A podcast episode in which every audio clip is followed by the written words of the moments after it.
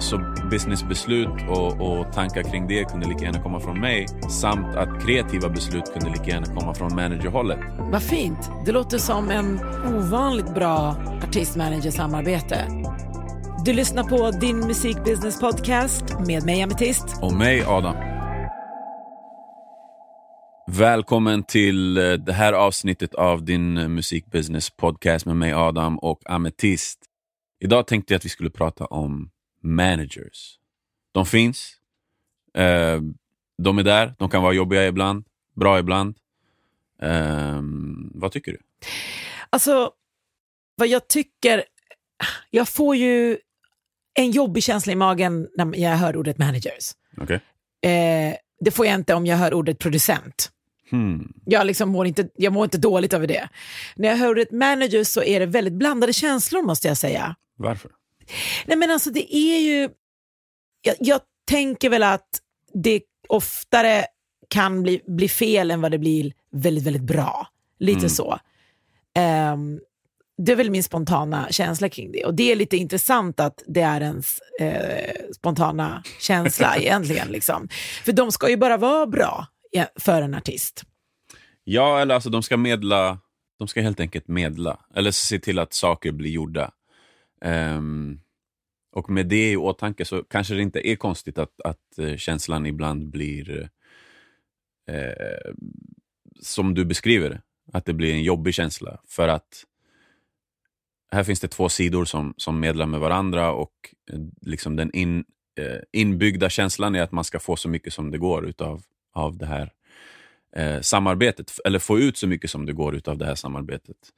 Ehm, och det, ja, så det kanske inte är så konstigt, tänker jag. Nej, men alltså om vi går tillbaka i tiden eh, kring managerrollen Mm. så kan man säga att Ska, ska vi prata om lite grann varför den kom till? Bara för att förklara lite för de som lyssnar. Vad, vad, vad, är, vad är egentligen en manager? Vi börjar med att berätta det tycker jag. Just det. De har liksom alltid funnits kring artister och kreatörer.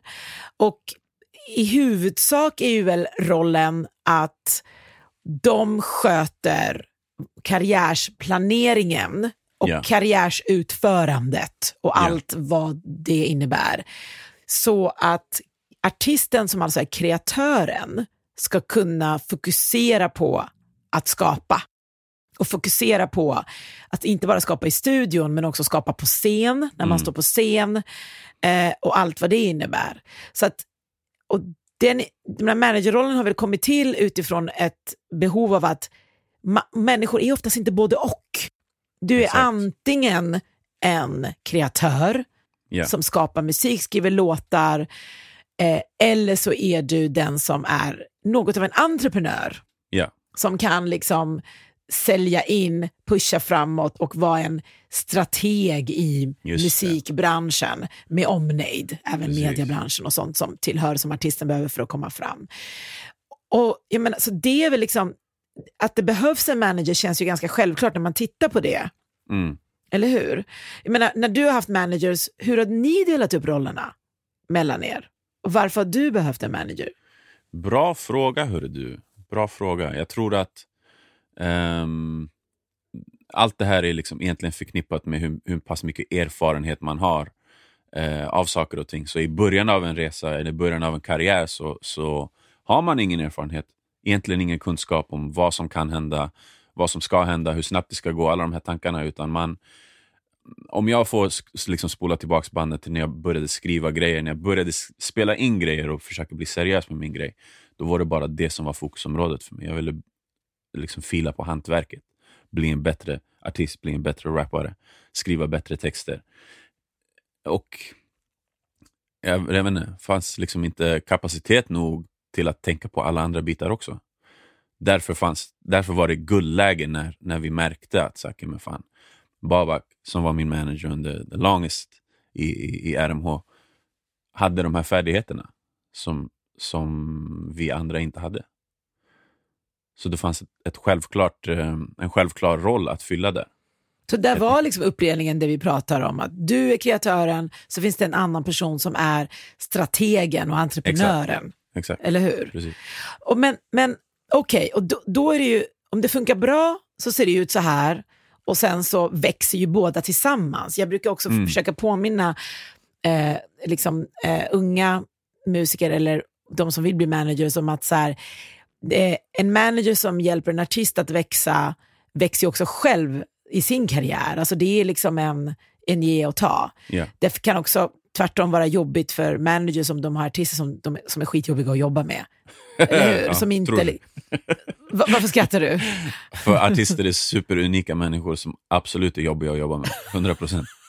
Alltså man har ju hört skräckhistorier från managers måste jag säga. Ja. Alltså du vet det klassiska, eh, om man inte har en så här uh, road manager alltså, kom- som är med en- på en turné och hjälper till med när artisten ska gå upp ur sängen och vakna och upp på scen. Och, så finns det skräckhistorier från managers som jag tror säkert du också har hört, du vet. Får inte upp artisten ur sängen, Ja. artisten Missa har- flyget, missa spelningen. Missa allt flyget, sånt. missa spelningen, måste påminnas om att äta i tid innan spelningen, för annars Ja. blir människan jättedålig på scen för att inte ha ätit, druckit vatten, det blir ingen bra spelning, det kan vi inte sälja in en tillgång som manager. Nej. På, alltså påminna om det till och med och helt plötsligt så, jag ska inte nämna namnen, eh, en manager till en ganska känd artist som berättar för mig så här, eh, Ametist du förstår inte, till slut stod jag och fick jag springa och köpa kallingar åt, den, åt pe- personen. Eh, bara för att han hade inga extra kallingar med sig på turnén. Och, du vet, alltså helt plötsligt så, den här managern ska vara liksom den här affärsstrategen, karriärstrategen, står och köper kallingar eh, åt Ja, sin artist och på, påminner om att äta och så försöker, måste ha en extra nyckel till hotellrummet för att annars så går det inte att väcka artisten för den här intervjun. Alltså, eh, innan vi går in på vår, våra irritationer gentemot managern, det kan ju också vara ett otacksamt jobb tänker jag. 100 procent. 100 procent. Ehm, det är... Om, om, jag har erfarenhet inom båda fälten, så att säga. Eh, så absolut kan, kan jag tänka mig att det kan vara otacksamt ibland när en artist bara vill göra sin grej. Här har man kämpat i flera år, gjort sin grej, lagt sina timmar och sen så kommer någon och försöker säga till mig vad jag borde göra. Um, ja, det, det finns en tröskel att ta sig över där tror jag. Uh, I synnerhet kanske om man inte har jobbat med den här personen under lång tid eller den, den personen kanske inte är ens kompis sen tidigare och bara har blivit anställd så att säga. Uh, så tror jag att det finns, finns en tröskel där. Men med det sagt, varför är managers jobbiga då? Du vill bara prata Ja. om varför managers är jobbiga, jag älskar. jag älskar, jag vill också prata om det. Um, alltså, jag- måste bara eh, säga så här, men jag har huvudsakligen två problem. Eh, eller, jag har ju inte problem, men jag skulle vilja säga att det finns två problem enligt mig med managers, som, där de faktiskt kan förstöra en karriär. Och, Mm. Eller inte hjälpa den, och- så de snarare bara blir en, en någonting som eh, distraherar Right. eh, karriären fr- från att gå på rätt väg eller liksom bromsar upp den. Det ena är eh, att man inte som manager faktiskt kan musikbranschen och juridiken bättre än artisten. right. Om jag ska vara jättehård nu så tycker jag, eh, jag är för att man lär sig saker, men eh, det finns alldeles för många så kallade managers som har kommit in som polare till artisten. De är sådana day ones liksom. Men som faktiskt inte ser till att sitta och plugga på musikbranschen och juridiken. Ehm, så att de faktiskt inte kan den bättre än artisten. Och inte ens efter att de har jobbat med varandra efter ett år, eller två, eller tre. Att man, jag liksom inte ser hur den personen faktiskt förstår att du är ju liksom den som ska kunna det här bättre än artisten. Ja. Och jag brukar säga till artister så här, om din så kallade manager fortfarande efter ett tag inte kan branschen och juridiken bättre än dig, då har du ju faktiskt ingen manager. Du har en polare som hänger med bara. Och som snarare är din assistent.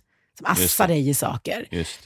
Att man liksom, jag tycker att man som artist ska kräva det av sin polare som har blivit ens manager. Att pluggar du på nu, har, du, har du koll på hur infrastrukturen i, eh, Ja. ser ut? Har du koll på liksom, hur, man, hur man gör saker? Det är, det är det största problemet tycker jag. Ehm, det är ju ett problem som som kan identifieras. Eh, Och jag, alltså jag håller med. Jag håller med.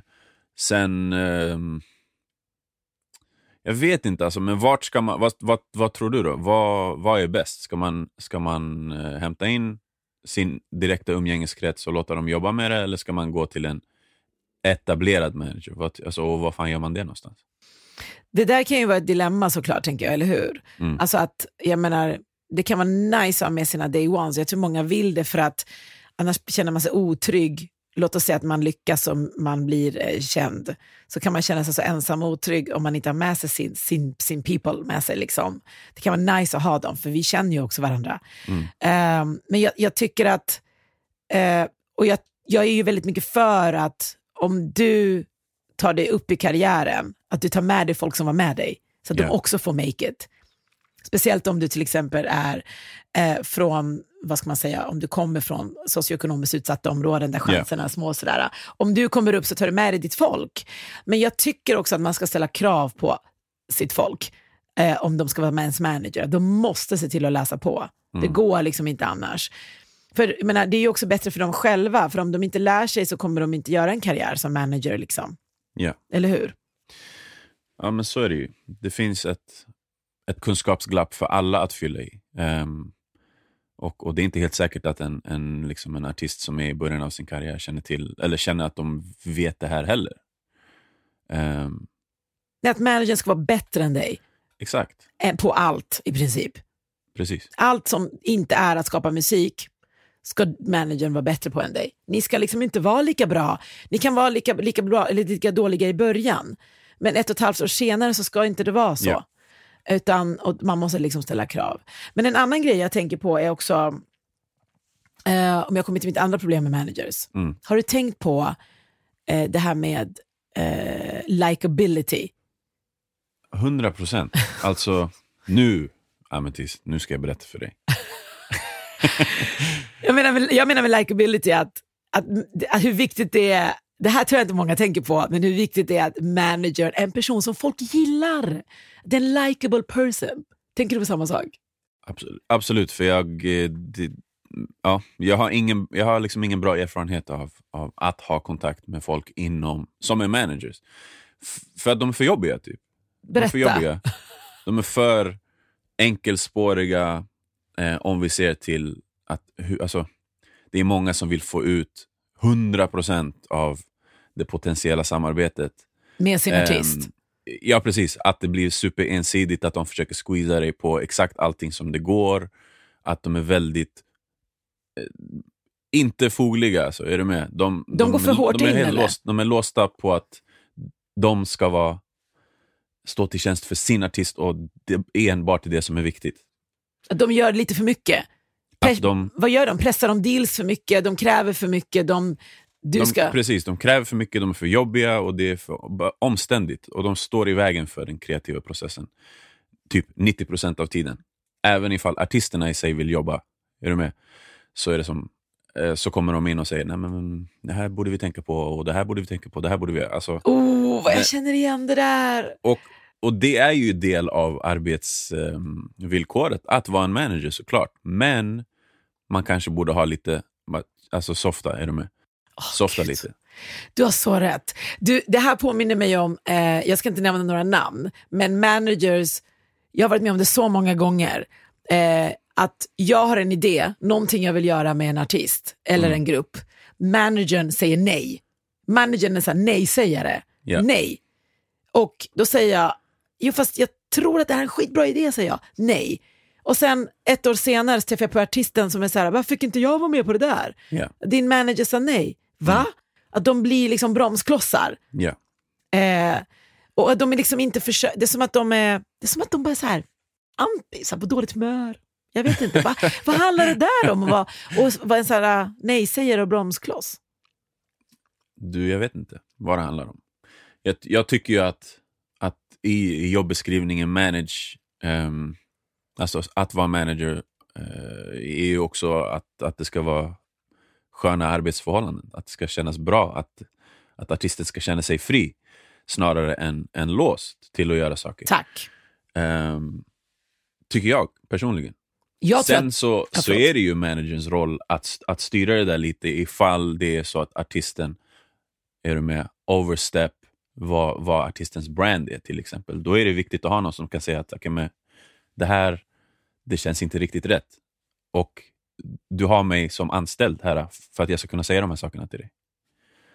Är du med? ja, det där är en annan sak. Att ta hand om artister om de inte gör fel saker. Yes. Men jag tror ju att de exemplen där, som, som intressant nog vi båda har upplevt, att där liksom managern är i vägen. mm. Och som jag, enligt min erfarenhet, mot artistens vilja. Artisten hade egentligen velat göra det här, märker man efteråt. Jag tror, vet du vad jag tror? Jag tror att det är egot. Jag tror att managern, eh, det är som att de är där i egenskap av stjärnor också. ja. Att, de, att det är liksom nice att kunna säga nej och välja bort. Att de liksom, jag upplever att de är så egodrivna och Mm. inte, inte i tjänst för artisten. Ja, alltså i alla fall emellanåt.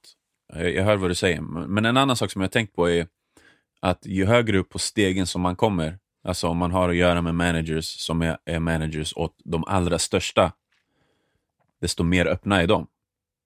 Att, att de här låsta managerserna befinner sig på någon form av mellanstadium och de Ja. är inte... De kanske känner att de måste, av någon anledning, vara jobbig. Bara för att de, de är i en roll av att vara manager. Ja, och jag, jag, jag tycker också att det känns som att de, de typ är överväldigade ibland. Alltså de känner att det är så mycket nu, just det här mellanstadiet du pratar om Mm. i karriären, där kan det ju vara ganska mycket att göra. Det är mycket liksom som står Ja, på såklart. spel, det är Såklart. spänt, det är liksom nervöst och alla de här transition från steg ett till steg tre som är så här, där, man, där ens artist är verkligen stjärna. I tvåan är det ju skitjobbigt. Ja. Att jag upplever ibland att när de är så här bromsklossar, nej-sägare, är det för att de är typ så här, or, de orkar inte, orkar inte. De, så de, så de, Mm. de säger hellre nej för att de pallar inte. Och det blir liksom, Right. det handlar väldigt mycket om dem. Deras ork och kapacitet och lust eller humör, att det liksom går ut över artisten. Mm. Kan vi enas om att en bra manager alltid försöker se möjligheterna i alla eh, frågor och eh, saker som kommer? Exakt. Exakt. Men det krävs ju, det, beroende på vilken nivå som, som eh, man har kommit upp till, så att säga, hur pass efterfrågad man är, så, så kräver det där mer, kanske mer och mer tid. Ehm, att avsätta till att svara på e-mails, eh, svara på samtal, såna här grejer. Det är mycket jobb, det låter Ja, mycket det- jobb. Direkt när jag sa det, en bra manager, den som ser möjligheten, tänkte så här, oh, det är tio gånger mer energi som går åt nu.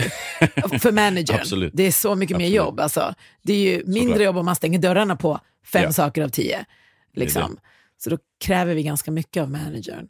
Men uh, får jag bara säga en sak från, på, på, på managerns sida lite grann här. Mhm. En grej där jag ibland så här, blir lite sorgsen för managers skull, det är ju när de har byggt upp en artist Ja. så nu, och nu går det bra för artisten. Och sen så är det som att artisten inte riktigt förstår hur stor del managern har haft i det. ja, det händer ofta säkert. Ja, jag tycker det. Vet, och liksom inte riktigt ge cred tillbaka till eh, att det var någon som hjälpte upp dig här, utan de, att de gärna vill se det som att de har gjort det själva. Mm. Man bara, fast nej, själv hade du inte varit här. Du har Mm. faktiskt haft hjälp av den här personen. Såklart. Det är, jag- alltså jag vet inte hur vidasträckt fenomen det är, men visst, det händer. Och eh, då kan det ju vara bra att, att ha ett kontrakt som reglerar det där, helt enkelt. Just det, att man får, ja att man, att man alltid får, eh, att man har, just det, just det, det här ska vi säga, förlåt jag bara går runt i cirklar. Eh, också bara nämna för alla att en manager jobbar inte gratis. Om Ja. det är någon yngre person som lyssnar här, en manager har ju 15, 20-20 procent eller 7 Ja. eller vad man nu vill ha av oftast en, någon slags 360 deal på allt artisten tjänar. Allt från royalties Ja. till, till eh, eh, vad heter det, spelningar, till Right. sponsor deals, liksom att man går in i en Right. sån 360 deal. Är det Mm. rimligt? Ja, men det tycker jag. Mm. Generellt kan man väl säga att jag tycker att eh, alla som jobbar på någonting ska få betalt. Det håller jag med om. Ehm, sen är det en fråga om, om hur, hur pass stor del, en, en, eller av, av liksom, en- vad, vad kan en manager bring to the table helt enkelt. Och Jag tycker att de ska skriva avtal, artister och managers.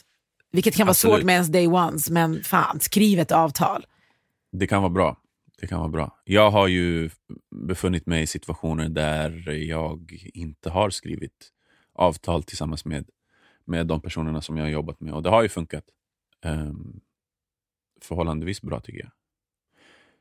Med det sagt så tycker jag att man ska skriva kontrakt. Men jag tänker också att avtalet är, men då kanske, jag, jag tänker direkt att då funkar det för er att inte skriva avtal för att ni kanske ha, pratade mycket Ja. med varandra.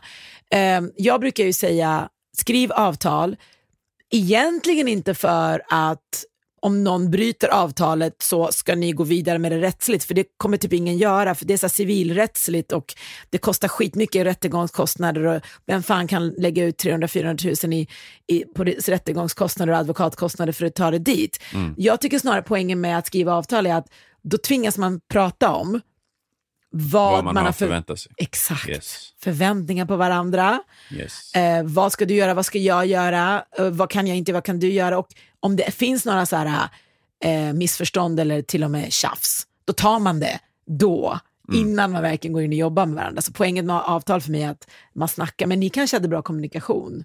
Hade ni Absolut. det? Ja. Absolut. Ja, det är speciellt. Men, ja. Men varför, varför är de så fucking jobbiga då? Är så- Varför är managers jobbiga? Ja, det här är så jävla kul fråga. Eh, visste du, jag, jag vet inte, visste du att, jag jobbade ju på radio i massa år, Ja. nästan ett decennium. Jag visste det. Ja, du visste det va? Ja, jag visste att du visste det. Eh, och jag visste att du var, du var artist. Eh, nej men, vad heter det? Det här vet inte så många att eh, det var ganska vanligt att, till och med jag, men alla andra program som, hade, som bjöd in artister till intervjuer eh, valde bort en viss artist för att man faktiskt inte ville ha med managern att göra. Det hände, inte jätteofta, men det hände hela tiden med jämna mellanrum. Ja. Att liksom, om, man, om man tänker så här att artister, varje artist, för varje artist som är bra, som är intressant, som man vill intervjua i radio, så finns det typ en eller an, två andra artister som är likvärdiga. De har typ Right. samma publik, de, eh, liksom, eh, de är ungefär lika stora, så man kan liksom välja någon annan istället. Det är det. Ja. Och där, då händer det. Om, om en artist råkar ha en manager som man fan inte vill behöva ha att göra med, man orkar inte med attityden, Mm. stämningen, energin, när den personen kommer med artisten, bara så här mood killer för intervjun. Eller eh, är det en person som inte svarar på mail i tid, inte Ja. skickar in grejer i tid, inte ser till att saker och ting händer i tid och liksom håller ett tidsschema och har disciplinerat. Man måste vara sharp. Då, Såklart. då valde man bort den artisten mot någon annan och det vis- visste aldrig artisten om att eftersom, du, eftersom din manager är som den är så har du gått miste om eh, de här intervjuerna nu. Exakt. Det här är jättebra poäng att säga till våra lyssnare tycker jag. 100 procent. Alltså, och då tänker man ju att den aspekten måste ju finnas i andra sammanhang också. Hur menar du? Alltså gentemot andra typer av samarbetspartners, eh, varumärken, eh, spelställen, överallt. Eller hur? 100 procent. Det intressanta är ju att man väljer sällan bort artister för att de inte är likable eller för att de är jobbiga eller inte kommer i tid. För man liksom förlåter konstnärssjälen att de är att de kan vara skitjobbiga. Det bara är så. Man liksom förlåter. Jag gör det i alla fall. Ja. Jag liksom sväljer, alltså så här, vad en artist, en kreatör med lite med hull och hår tänker att Mm. hade, hade inte den här människan varit lite utanför ramen och lite weird och det är massa saker som glitchar här, det är massa glapp här, Ja, så hade den personen inte skapat så intressant musik. right. Ehm, men man förlåter inte managern för det. så man väljer inte bort en artist för att den är jobbig, men man gör det. Nej. Och managern är jobbig, det är också viktigt att tänka på. Exakt. Din musikbusiness podcast i samarbete med Skap. Vill du veta mer om Skaps arbete? Gå in på www.skap.se. Men du Adam, mellan oss emellan så är det ju du som har haft manager och inte jag. Mhm. Ehm, så alltså, hur har du kommunicerat med den eller de managers du har haft om, eller jag, jag frågar så här, hur har du fått den eller de managers du har haft att vara bra för dig? liksom, hur har du gjort för att de ska jobba bra för dig? Mm. Liksom? Bra fråga. Jag tror att ehm, vi var i en position i början av min karriär, eller alltså anledningen till att det överhuvudtaget är en karriär, är att det togs ju businessmässiga beslut. Ehm, u- alltså utan att eh, för den delen ta bort någonting från vad musiken var och vad den symboliserade och stod för. Och jag som artist, så, så var ju businessdelen en del av det här. Så överhuvudtaget så såg jag oss snarare som, som ett team, som ett helt team, um, än, än olika enheter. Liksom. Det var aldrig en konflikt på det sättet att uh, vi inte klickade eller inte förstod varandras vision för att allting var gemensamt. Um, så businessbeslut och, och tankar kring det kunde lika gärna komma från mig.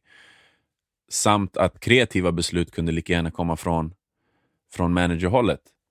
Så att... Um... Vad fint. Det låter som en ovanligt bra artist-manager-samarbete.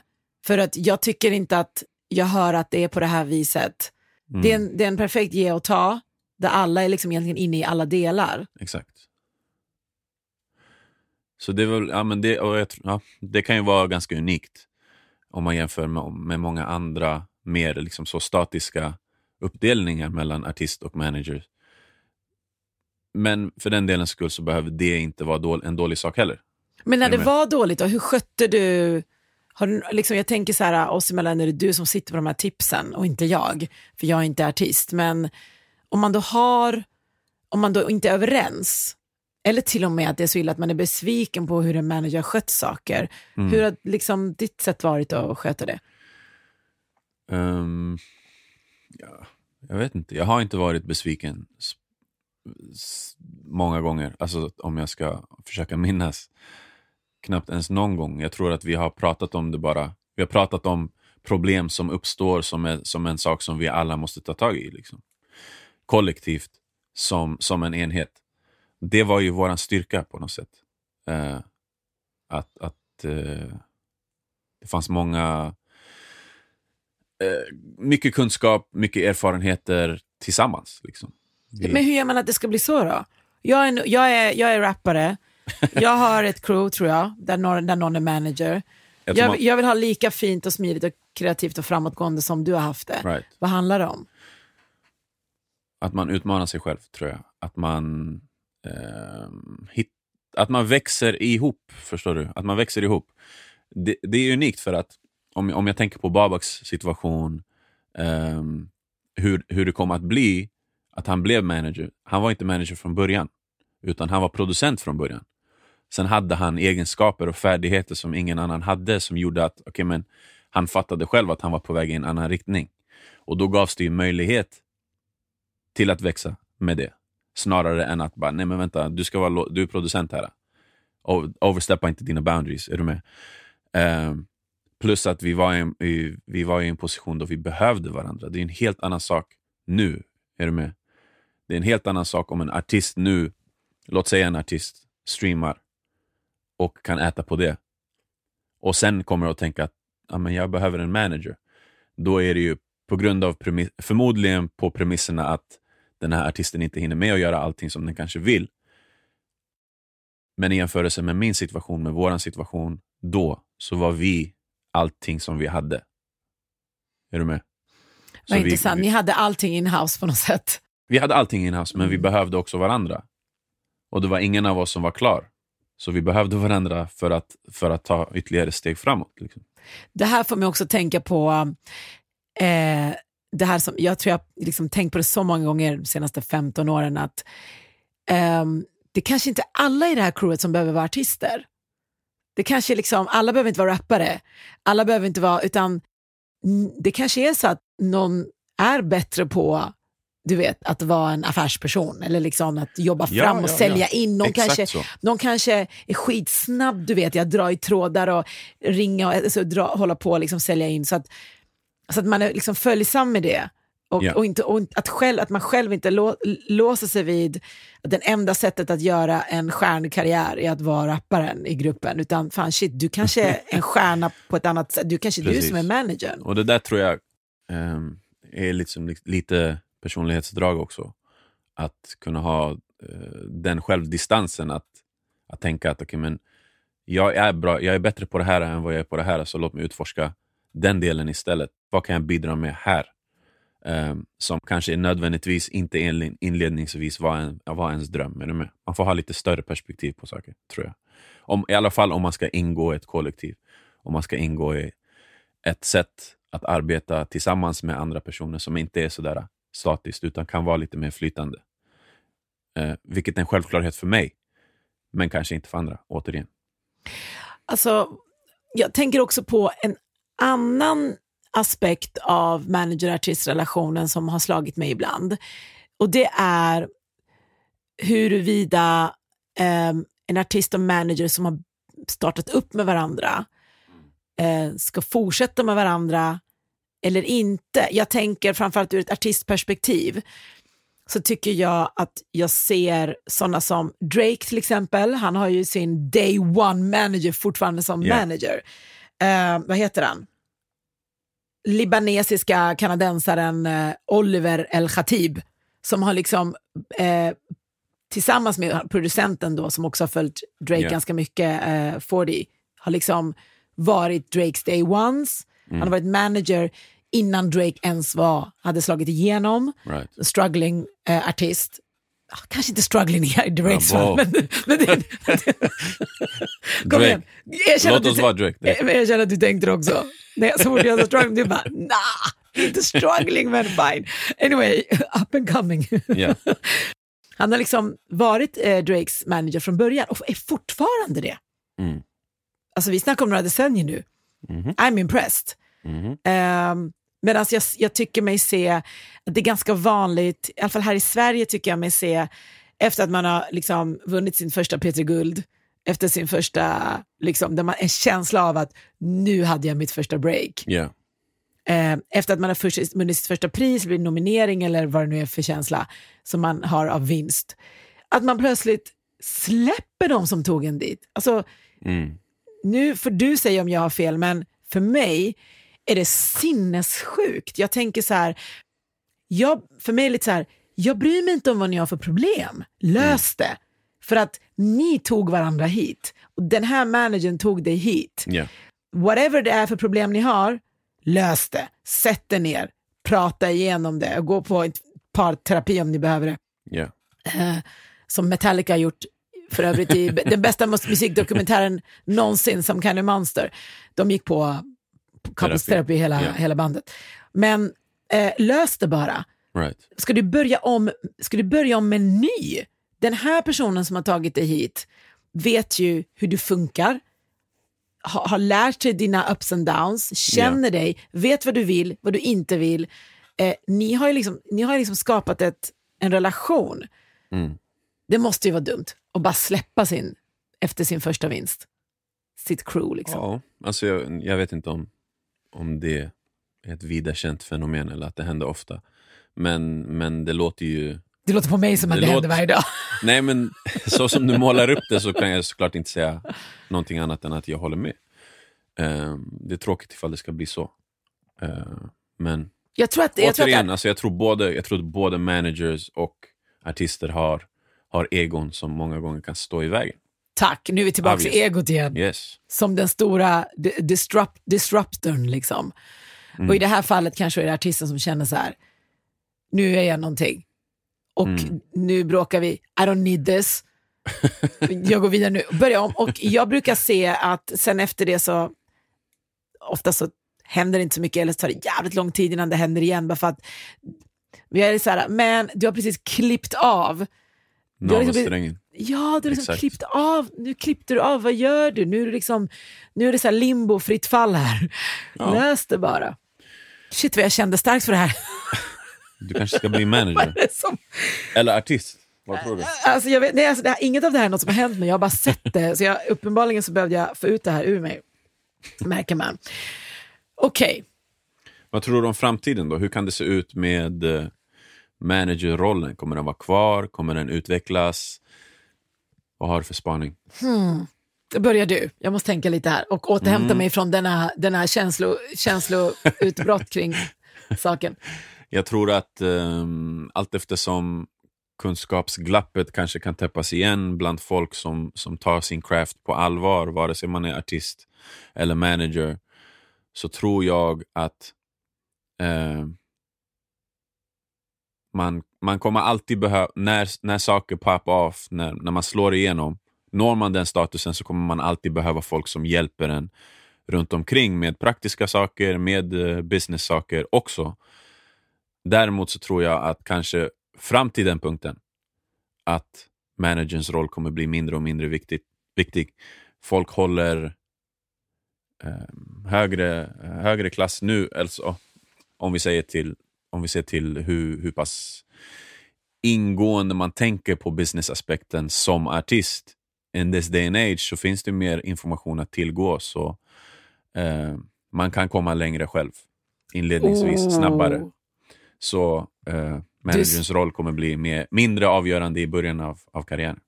Men hur menar du, mer, mindre mm, relevant i början än sen? Ja, om man nu ska, om man nu ska se det som en, en strict manager-roll så kan det komma att behövas en manager slash artist, eller assistent eh, när det blir för mycket att göra.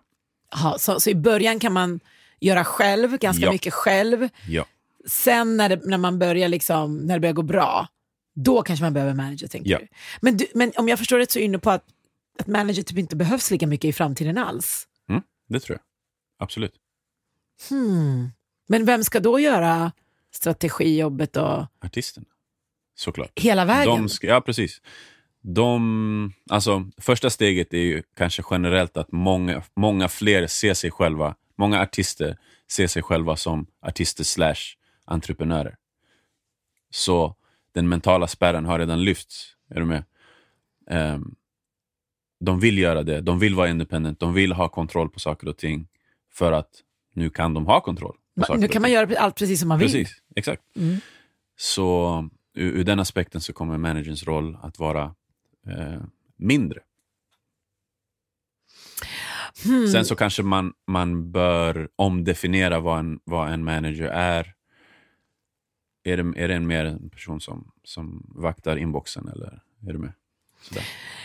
Alltså typ en assistent egentligen. Ja, jag exakt. vet, jag har tänkt på det där. Alltså, jag tycker liksom att jag sällan i Sverige möter managers, du vet, där har, som har liksom ett representationskonto, drar liksom kreditkortet och kör så här mingelmiddagar och bjuder Mm. förstår du vad jag menar, liksom håller på på den där nivån. Men jag, jag förstår.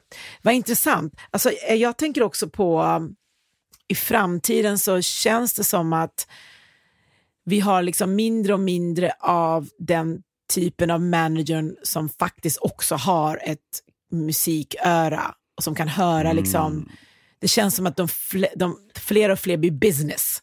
right. Businessdelen tar över managerns eh, kreativa inputroll, så att Ja. säga.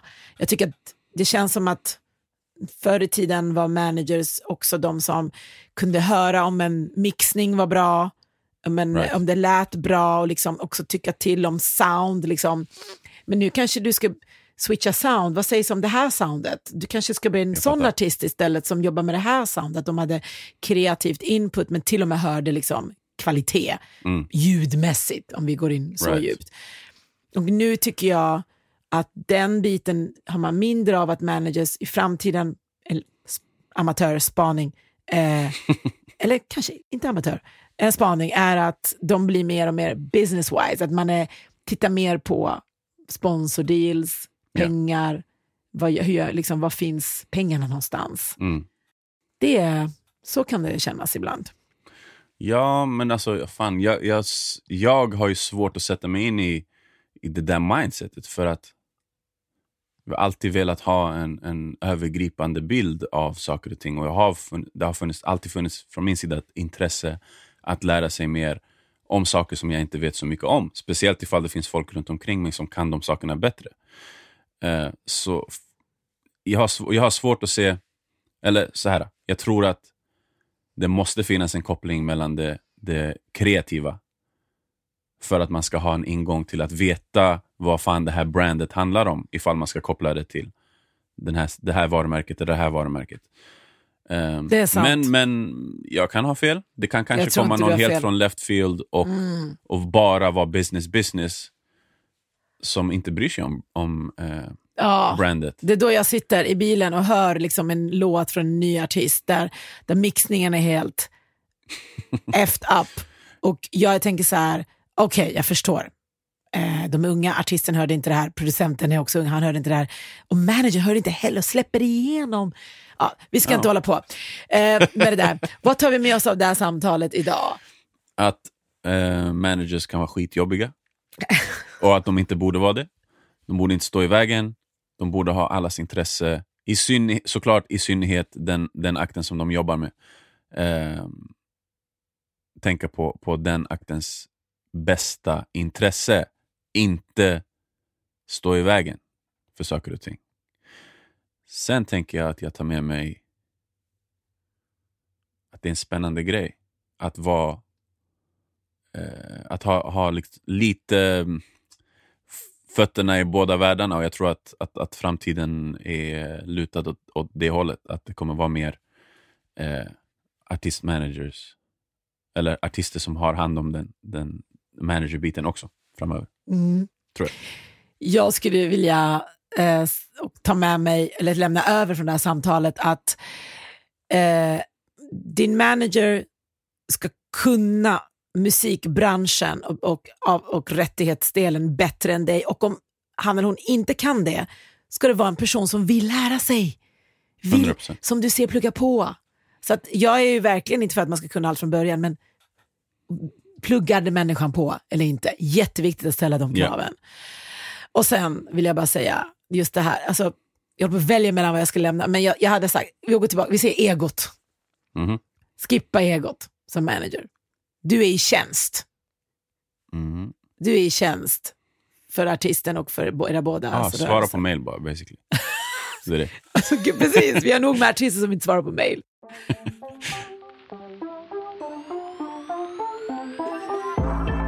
Du har lyssnat på Din Musikbusiness Podcast presenterat av Skap. Nå oss på Instagram at dinmusikbusiness eller mejla på hej at dinmusikbusiness.com.